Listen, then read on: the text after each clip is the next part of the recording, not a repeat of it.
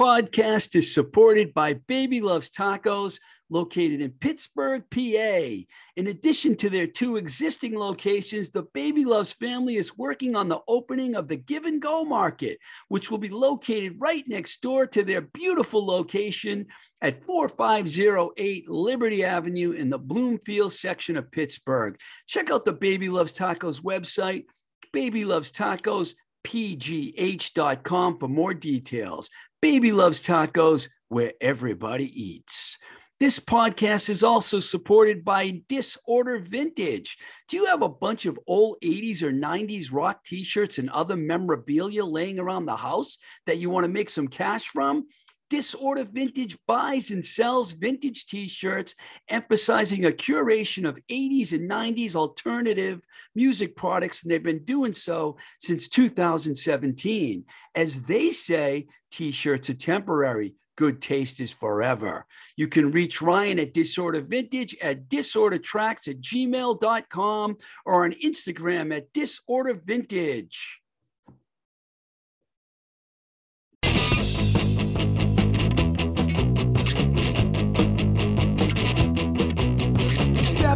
Hills, Century City, everything so nice and pretty. All the people look the same. Don't they know they're so damn lame? There she goes, three-piece suit, spandex pants, cowboy boots. I just don't know what I'm gonna do. I don't know what I'm gonna do. Have to move from Beverly Hills, Century City. Everything so the people they look the same, but don't they know they're so damn lame?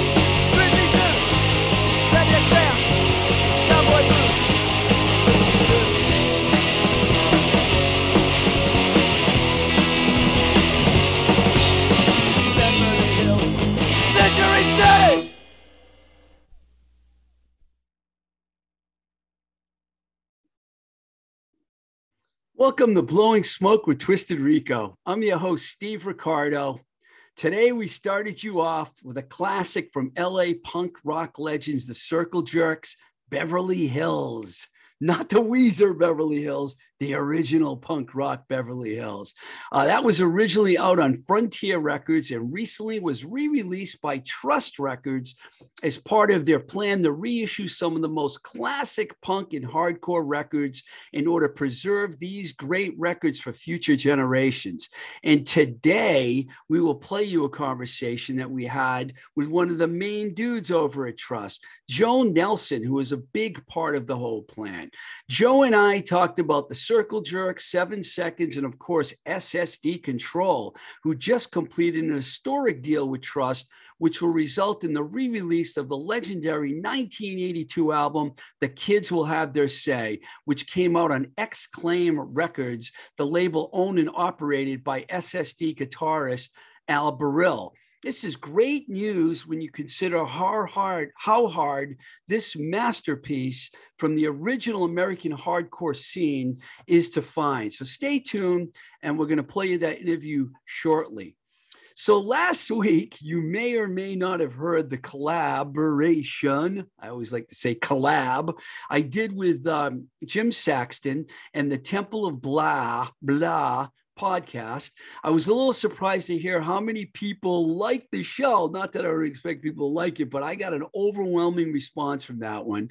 Uh, thank you for listening. And I apologize that I got some of the dates wrong. I can be, it can be extremely difficult remembering everything that happened in the 80s and 90s, but I gave it my best shot. You know what I'm saying? Um, nevertheless, it was fun doing it. And thanks again to Jim Saxton for suggesting it while we were in New York City in May filming for the Roadrunner Records documentary, which Jim is directing and producing. All right. So without any further ado, here is the conversation I had with Joe Nelson from Trust Records. Enjoy. Hi, Joe. Hey, what's going on, Steve? How are you, man? I'm good, man. Um, before we before we talk about Trust Records, which is definitely one of the most interesting things going on right now in music, in my opinion, uh, can you please give my listeners a little background on your history in music? Because I know you've been involved in the business for a long time, management, merchandising, labels, yeah. musician, everything. Tell us all about yourself and how you get started. And you're from California, right? Right. Yeah. Yeah. I'm, I'm born in Huntington Beach, California, which is down Orange County, uh, and also the home of like some great bands like TSOL and you know Fullerton had Social Distortion, Adolescents, etc. Uniform I mean, Choice. Uniform Choices from Found. Yeah, Uniform Choices. The Dubars grew up right down the street from me. That's a, that's how what really accelerated me into punk rock. But I mean, the story for me musically starts. I think like any of us as a kid, like as a teenager, young teenager, finding punk rock, finding those bands I just mentioned, meeting the Uniform Choice guys, uh, finding discovering minor threat and ssd and kind of the straight edge part. I'm 52 today's actually my birthday. So Happy we're doing birthday. this on my birthday. yeah Happy thanks. birthday. Thanks bud. So anyway so the point is is like you know like that kind of i always say that that music saved my life like music in general saved my life and it gave me an identity as a teenager. It helped me as like i think all of us like gravitating towards that hardcore punk rock scene especially in the 80s which is the sweet spot for me like you know it it it got me into music and i followed that ever since. I i you know i graduated college with a history major because i thought i was going to be a history teacher. But that never which college never did, what college did you go to? Uh, long beach state. Oh cool. I went to i mean i went to a community college and then long beach state which is anyway. But the point is is like out of high school, I, I, was a roadie in quotes where I tour, toured with like the band Instead, which is a straight edge band from Anaheim. Wishing Well Records. Yeah, yep. Wishing Well Records. And then I toured with Quicksand was really, uh, I started touring Quicksand early, like on like 93 through 95, I think. And, and that's what I did. And I was all kind of like in the road crew mentality of like, I'm just going to become a tour manager and this is so fun. And then you know, I just as a 20 year old, you're kind of waver back and forth, like, should I do this? Should I finish college? And I finished college. I still miss music. And then I just, I worked for Revelation Records. I worked for Victory Records. And then I got into uh, management for a little bit with a guy named Ted Gardner, who's famous for managing Jane's Addiction. He started Lollapalooza with Perry Farrell. Like, yeah. Yeah. And so he was great. He was a real mentor. We managed Brian Jonestown Massacre, the Aquabats, uh, band called In a Way and Echo and the Bunnymen when they came to North America. Wow. Ours. And and then from there, I mean, this is such a journey. I, I went to merchandising and music merchandising. I did that for about 20 years. And that was kind of my career. I, I, I started off, you know, just as like anyone else, like with a small merchandise company. And then I kind of rose up to like a biz dev role where you sign bands. And I signed, I mean, the, the bands I'm most proud of signing were kind of Run the Jewels and this band Phantogram and Leon Bridges and uh, uh, but I got to a point, you know, like in anything when you're like getting older, I just said I, my birthday day I turned 52, like you get kind of put out to pasture in your late in your late 40s in the music business, unless you really are in it. Like you, you have a like you're like, you know, Michael Rapino or some dude who's running Live Nation. Like yeah, I could kind of see the writing on the wall, and I didn't really want to start at my own merchandising company. I, I, I just I was making too much money at that level, so like it's hard, you know, it's hard to get a job if you get and what happened to me is I got laid off. And then I was lucky enough Matt Pincus and I uh, the other co-founder of Trust we we had been talking about Trust Records the label doing it for a couple years before that kind of happened to me. And as it as that happened I was like all right man like let's do it Matt let's do it. So so you have a wide wide background a wide oh, range yeah. of things that you've done. That's fantastic. Um, you also came along at a time where the whole record industry by the end of the 90s was ready to collapse you know? I mean the major labels and everything everything changed oh, you know? yeah. well, you would know. You were yeah. you were right. Yeah. I was working in a&m records when uh, when things yeah. that kind of went down the toilet there. So you and matt pincus got together and you formed trust which is a non-profit organization which i find really interesting. Yeah. I, let me just start you. I'll clarify. It's a non-profit in theory it's not a technical 502 nonprofit. So we don't, I don't want to ever get that distinction that we're filed as a nonprofit, but we operate as a nonprofit in the sense that Matt's the benefactor of the label. Anything we make from the label just goes into the label. Got it. Okay. And uh, your goal was to preserve the history of some of the great punk Yep. and hardcore releases, and you're two for two, far as I can tell, with the Circle Jerks, Group. Sex, and Seven Seconds the Crew. Uh, can you elaborate a little more about how the whole thing really got rolling? Yeah, sure. I, I so Matt and I have been friends, and, and I kind of told you my story about childhood and stuff. That Matt, Matt would tell you the same story. You know, he's from New York. I'm from from Los Angeles, basically, and and he played bass in a band called Judge, which is a New York hardcore band, and we became friends years ago. Through I'm great friends with all those New York guys from that era of that youth crew movement they call it, and he's one of them. And he started a publishing company about 20 years ago. It was called Songs Publishing. And it was an independent publisher and it they had Lorde and pharrell and the Weeknd and diplo and like and matt and his a&r team. But i mean they were really in front of it with some of this as music changed. They really got into it, and he recognized songwriting and publishing was the real revenue stream for artists. And i think he wanted to do a, an independent publisher that was really artist friendly because that's how he kind of rolls through that company songs we did um a nonprofit called Know Your Rights, which was we were kind of going to some of the hardcore bands that we're working with now and saying like, look, everything's gone into a streaming world, and why don't we? Matt's got this company, and we can use it as as the muscle and just do it for free. Like we'll get your publishing in order. You get you know make sure if there's Spotify money, you know it's going to be micro pennies, but it's, it's your money, and let's try to collect that for you. And and in doing that, Matt kind of recognized there's a real disconnect for the music we're talking about this punk rock hardcore of the 80s and, and 70s you know, and not just punk rock but all genres. There's a lot of trans trouble transitioning into this digital age that we're going to. And he thought at the time uh the Cro-Mags age of quarrel uh this you know dag nasty field day which is a record you worked on and we as we know and uh and and um SSD, kids will have their say. Those are records we were like, hey man, what happens when these guys die? It's just just just going to be lost in the ethos. Are we really going to lose SSD? Kids will have their say, like for future generations once these guys are gone. And and it was a real, you know, concern of his. And, and the thing about Matt is, I mean, he's he's no bullshit. Like if he's he's sincere about something, it's not an act. He was sincere about it, and he was like, why don't you run it?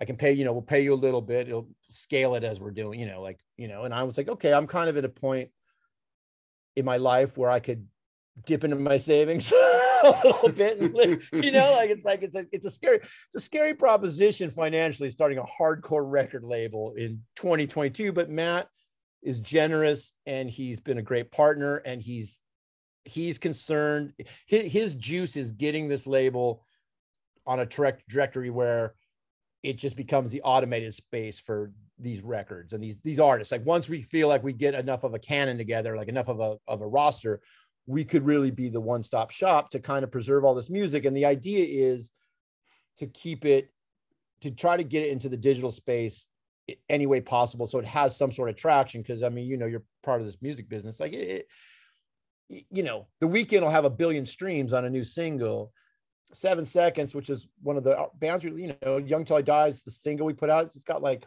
I might be, I don't know where it's at now, but at one point it was like almost like at, I think like 40,000 streams. And we were like, great, that's, that's Yeah. great. But the idea is like, how do we get this stuff? Like Circle Jerks is in the millions of streams with their singles. And that's kind of the goal. Like, how do we help these artists get to that point where they're, at least their hit songs or their, you know, quote hit songs are, are streaming at a level where they get traction, the algorithms kick in. When you're looking at other bands, they get recommended to you because that's how that kind of system works, right? Like it's like they don't notice you unless you've got some traction on your own. So that's what we're doing with Trust. Yes, there's a It physical was- component to it, which we can talk about, but the overall goal is to make sure when all the vinyl and all that shit goes away, that streaming, which will be the future, whether we like it or not, is protected for these artists. That, that their their art is protected in that in that space. It's interesting what you're saying about publishing because it wasn't until I started managing bands in the early 2000s that I would point out to bands your publishing is the most important thing because when I started in the 80s, all the independent deals we did were 50 50 publishing splits. And, you know, these days, that's a no no, you know. But back then, bands had no choice because you were handed a contract and you had to give up 50% of your publishing to the label. Pretty much all the labels I worked for at that time before I went to a major operated that way. Well, most all the ones I did. Yeah, so yeah. it's really good that you guys are looking out for the bands um, publishing and all that because nobody really did that for the first 20 years of independent labels you know? No and, and, and to your point like like and then no and why would any of these guys even think that way? I mean if we were, you know like we're from the same era like independent music in the 80s bands are just happy to play shows and get yeah. a, you got a record out like seven seconds getting a record out like they don't even think about the money part of it. There's not even a thought because it's like there's no future in it. These guys are all like hey we're doing our band and we got a record out. We can tour. And so that stuff got neglected and kind of and, and forgot, you know, and, and to be honest, like, I mean, you, you know, this being the music business, publishing is a very hard thing to figure out. yeah, it, it, and Matt's an expert on it. He's fluent in it. Yeah. without like, but but I'm and I've been working with for years on this, and I still sometimes come. I'm like, wait, what? How does this work? Like, how how are we splitting this money? And especially when you start collecting the revenue through the digital platforms, like we just did our first royalty payments uh, for the label in, in this year, and I, was eye opening to me, Steve, because I hadn't done the label side at that level. So looking at all the streaming data coming in and saying like, wait, like this two dollars and twenty cents goes here, we split it up. This, you know what I mean? Like, yeah, that's the stuff where it, it's a little bit eye opening. But I feel like for the artists that were with us, like they're in a good spot because we are aware of that and our eyes are on that you're looking out for them. Yeah. And, you know, licensing 100%. has become bigger than ever. When I talk about this part of licensing. I'm talking about TV, commercials, films, that sort of thing. You can make a lot of money now, or yeah. you have been able to make a lot of money the last 20 years or so. Before that, they would go after all the big artists and try and get them. And the little artists would get the thousand dollars that they had left yeah. over. Now it's a new ball game, you know. Yeah. You get on a T-Mobile commercial, you get a lot of money for it. Um, I love the way that you guys are doing your packaging and I, you know, Chris Morris was, um, he wrote, he had all the liner notes and stuff in the, um, I think it was the Circle Jerks record. Wild in the Streets, yeah, he did. yeah, and job. and he's a great. You know, I know known Chris for a long time. I think yeah. what you're doing here is it's a it's an artistic form that seemed to get lost when we started making CDs and and then everything went digital. I'm happy to see someone that looks at a record as an artistic thing rather than just like, oh, it's just a record.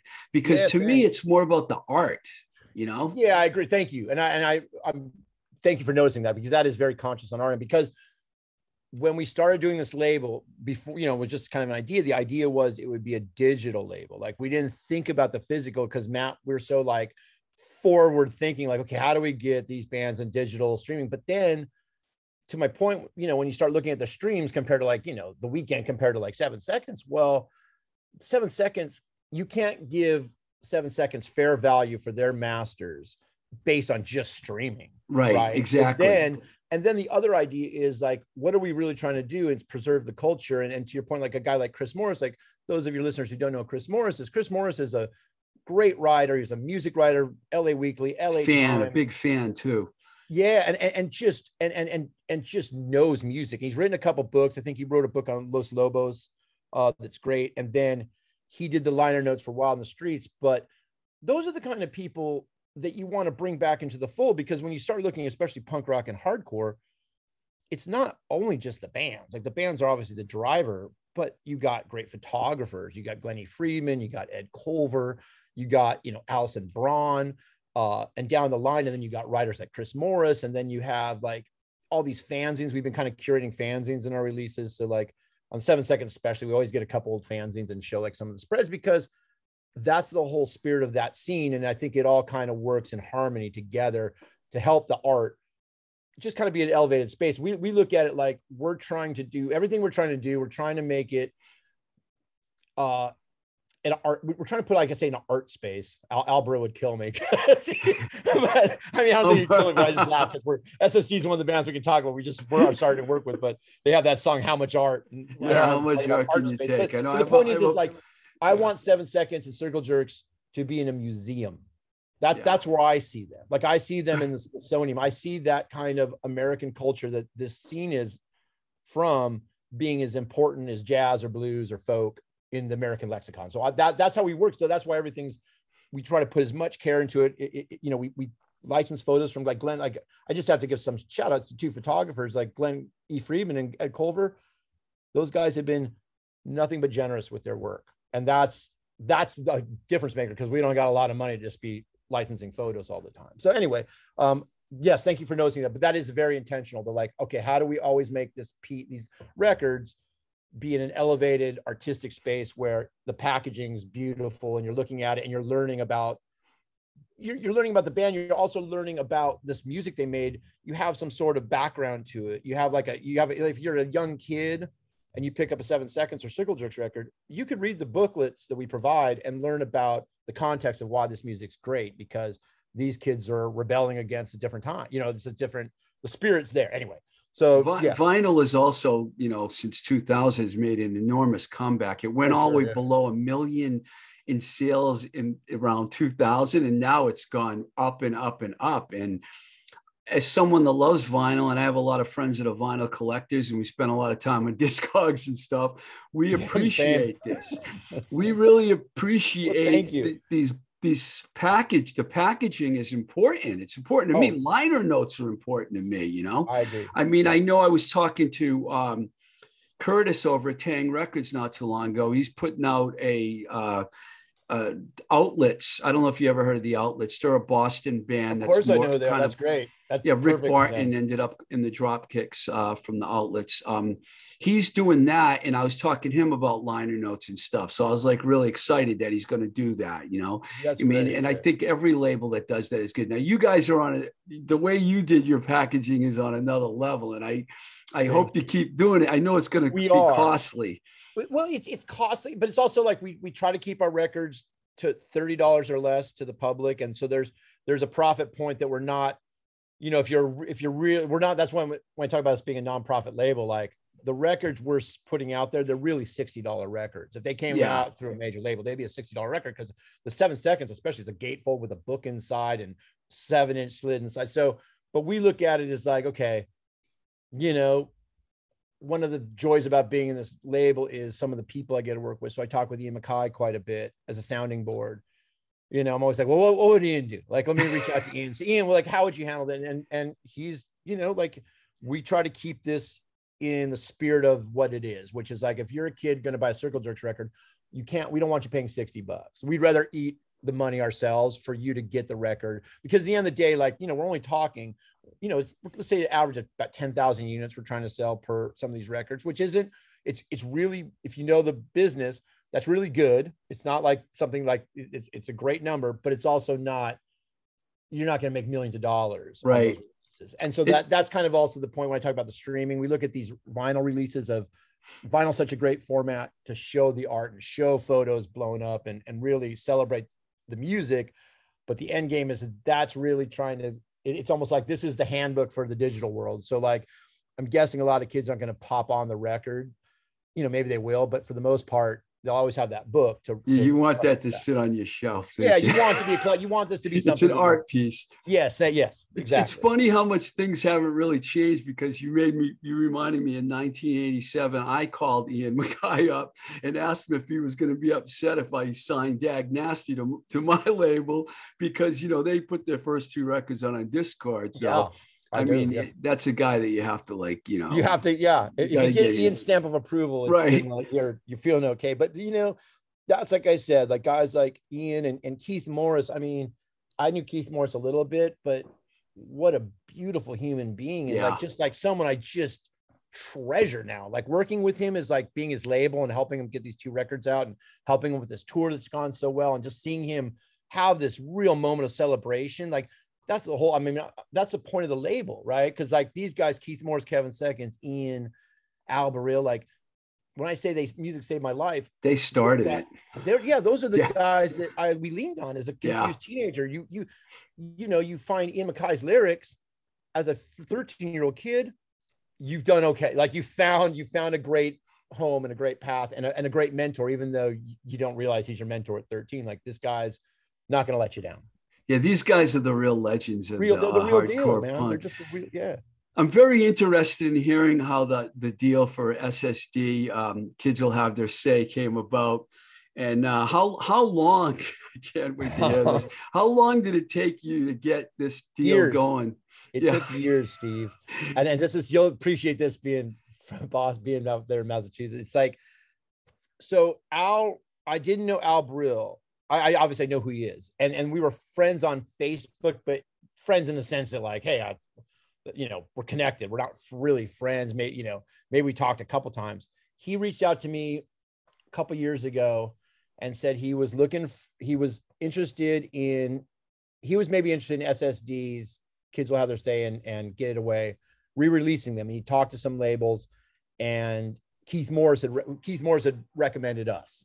And so we were like, Wow. what? Of course. And I and he goes, he goes, I'm surprised, you know, this is great. He goes, I'm surprised you hadn't reached out to me. And I was like, look, Al, I don't know you, but your reputation, like, or the mythology behind you, you're this kind of brooding, like dark lord. And he's not dark lord in the sense of evil, but you're just like the shadow figure and the that we know is there, but like we don't know. And we and, and the way he's always conducted his business, he doesn't seem like he's he's not a doesn't seem like he's a reunion guy. He doesn't seem like he, you know, he's not. He's never come across to me as a guy who's that interested in the past or be, had been before. So we have this great conversation. Me and Matt have a conversation with him. We offer him a deal we think is fair, and he's like, "Yeah, I don't know. That's not really what I was thinking." And then to his, he's like, "Oh, he's like, you know, SSD has more value than I think you're giving it. And he's not wrong because we're, you know, when we do these evaluations, I don't mind just explaining the math is, you know, I at this point I kind of do a projection, right? So I'm like, okay, the digital streaming is just extra income. If we're going to make 10,000 records, what would that mean? And how much is that worth? And if it, whatever that is, then we're trying to buy 51% of that master because we do have to own Yeah. The, Right. administration purposes, but that's the point of this label. So then you you kind of so that we kind of do the math with SSD and, and a couple and, and whatever that came out to, and we gave it to Al, and he was like, "Well, I think it SSD has more worth than just commercial value," and and I'm like, Matt and I are like, uh, he's not wrong. That's not wrong because SSD is a pillar, and we know in as a label, you can get SSD on your label. That opens some eyes, right? Like that Oh, gets yeah. some people who are like, wait a second, SSD trust these guys? Like, no pun intended with the name, but like these guys might be the, the label. He balks at the deal. And then we offer him a couple of deals, but for we just become friends. So like I, I I love the dude. So like we probably talked for a couple every couple weeks, we probably talked for an hour. And I would always call him as I, I'm, you know, I have a warehouse down in Santa Ana for trust that I I live in downtown LA, so it's about an hour drive, right? And I know Al. I go, I was like, he's a talker, so I'm like, all right, I got an hour. we get on the phone with Al. We talk about sports. We talk about you know whatever's going on. We never really talk about the label. He's asking questions all the time. Now, if you know anything about Al, he's he's he's super. He- he's got that thick accent, but he is a smart fucking dude, man. Yeah, Sorry he is. Like, like he's just a smart, perceptive dude. So the whole time we're having these conversations, he is putting together he's filing the data he's he's analyzing he's trying to learn about us he's asking all these questions um beginning of the year 2022 this year i go i hit him up first couple weeks of the year. I go look we're going to give you our best we're going to give another offer to you. We're going to put our best foot forward. And we went back to the drawing board and we put some extra value into those records just because we were like by now we had a little money in the in the piggy bank. And we're like you know what man? If we could get circle jerks and ssd Mhm. like those are two pillars. Like I don't know how you know everyone's got their different Mount Rushmore, but I'm putting Keith Morris and Al's. You know, depending on the genre, yeah, like, they're up are- there. Yeah, they're main. They're for forefathers. So, Yeah. and then he was happy, and, and and I know he's had reservations, not anymore, but I, I we you know, there a couple times I say talk him off the ledge where he's like having second thoughts, and I'm like, you know, like, and I think he has second. When I say he has second thoughts, I don't think it's he doesn't believe in us. I think it's one of those things with him. It's like this is a guy who's never 40 years that record's been on print. He never put it in print, and so he's now going to make that move, and that's a big jump It sure for a is. guy like that. But I, I, I just know. I, I mean, I tell all these guys, you included, anyone from from the East Coast who loves that band, like we're all in this together with that release. That's one of those releases. I'm like, you know, like Seven Seconds. I know them so well, and that was a band I, Kevin and I've been friends for years. I've seen that band. SSD. I only saw him once in LA, and, and I've told that wasn't great. It was like Were you at the Olympic Auditorium show? I was at the Olympic when suicidal. I think it was suicidal, and Keith maybe sang for Red Hot Chili Peppers. I know I was Red Hot Chili there. I were. was at that show. You were? I was at that Yeah. show, and I was I was horrified when SSD came out and did a Oh. rock set. I was Oh. like, "What the fuck are they doing?" What And are they somehow they doing? got out of there. Somehow they got out of that building in like one piece, which is kind of a miracle. But People then- were not stoked. but the thing about Al is like, and this is what I kind of love about him and those guys. He's just like, we were already like, we were those that was the record we're touring on. We didn't want to play those songs, and they didn't kind of give a fuck what people thought, so they were just doing it. As a kid going to see SSD, it wasn't that great for me personally, but uh, I we're, doesn't really matter because it was like, rough. It was, Um, but but yeah, but I mean, I mean, I could be more stoked. congratulations, though. Thank That's a you. Well, you major. know, like that's a huge feather in our cap. Not to Major. be those guys patting ourselves on the back, but that's a that's a big one for us, a big record for us. You you've said in uh, other interviews that I've watched and listened to that you have as many as a hundred records that you would like to. You you use the word a hundred. Yeah, Where do you stand with those hefty goals? And do you have any other things in the bag already that you could tell us before I let you go? So sure, yeah. So we when Matt and I were doing this label, he we actually came with 150. What are the classic titles? First it was 150 punk rock. So there's Discharge and Exploited, GBH, and then I kind of whittled that down to more American based. Now, even though we will put out SNFU records soon because we do Oh, cool. part of PYL, and those SNFU records are some of my favorites. And and so those will come out. But the basic structure of the label, we start thinking, okay, like to really do it justice and to have a chance to, the end game is to maybe get this into a museum space one day or donate our shares to the Smithsonian or, you know, Matt works on some of these boards of these kind of, you know, those kind of things, museum spaces and stuff. So the idea is once we have enough of a, you know, history or enough of a, of a label, we'll donate. We, we would like to donate that to a space that we know it would be almost like public record and they'll protect it because that's how we view it. Um, so that being said, like, yeah, we, I kind of will that down to hundred, but, but I, anyone you can think of now, obviously Dischord's not going to sell to us and they, and, Right. and, and that's okay because it's also, we want these labels to exist. So like touch and go and Discord, there's some labels that just seem like they're fine and will be fine.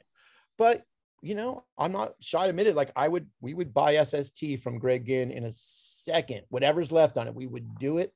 Uh, I would love to work with the Bad Brains. We've had you know little bit conversations, but nothing major. But there's nothing you can't think of in that space that we're not interested in, and and and and have the uh, ambition to get there eventually. Whether it's you know, I, it's not a to us, it's a marathon. You know, it's not a sprint, it's a marathon. So even things we strike out on, we're we're still going to come back to in a couple years and, and try to get when we have a better storytelling. And I think that's probably why SSD worked because at, when we t- when I talked to Al, we just put out one record, the Circle Jerks Group Sex, and now he's kind of seeing what we do, and he, you know, he's more comfortable with it. And that I think will happen hopefully with some other artists, but anything you can think of, we're, we're talking. I mean, you and I talked about a record, Dag Nasty Field Day, you worked on when you were when you were with uh, Giant.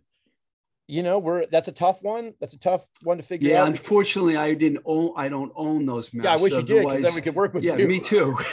you wouldn't believe it. You, you're not the first person that call, has called me about the field day record. This has been going on for like 15 Sure. years. A lot of people want that record. it's- it's, a that- very that popular label- record. Uh, but also like there's government issue records, there's a uniform choice record. There's a bunch of stuff that in that world that it's hard to tell based on the bankruptcy of Dutch East India and, and, and what happened to the founders and stuff like where those really sit as far as like the legality of who owns the masters because and with us everything we have to do is button up because like i just mentioned if we're going to ever donate this to someone like say the smithsonian which is our high bar well they're not going to take stuff that we don't have legal proof that we own Yeah, you don't want a lawsuit coming your way. no, and some that's another thing too is we don't want litigation, and, but I also want to get my hands on those records. And I have talked to Brian Baker and Pete Cortner and Doug about Field Day, and and we have a deal in place if we could ever figure out how to get the rights. Yeah, you know, I, I, I, wi- you know, like I told you before, I wish I could help you with that. But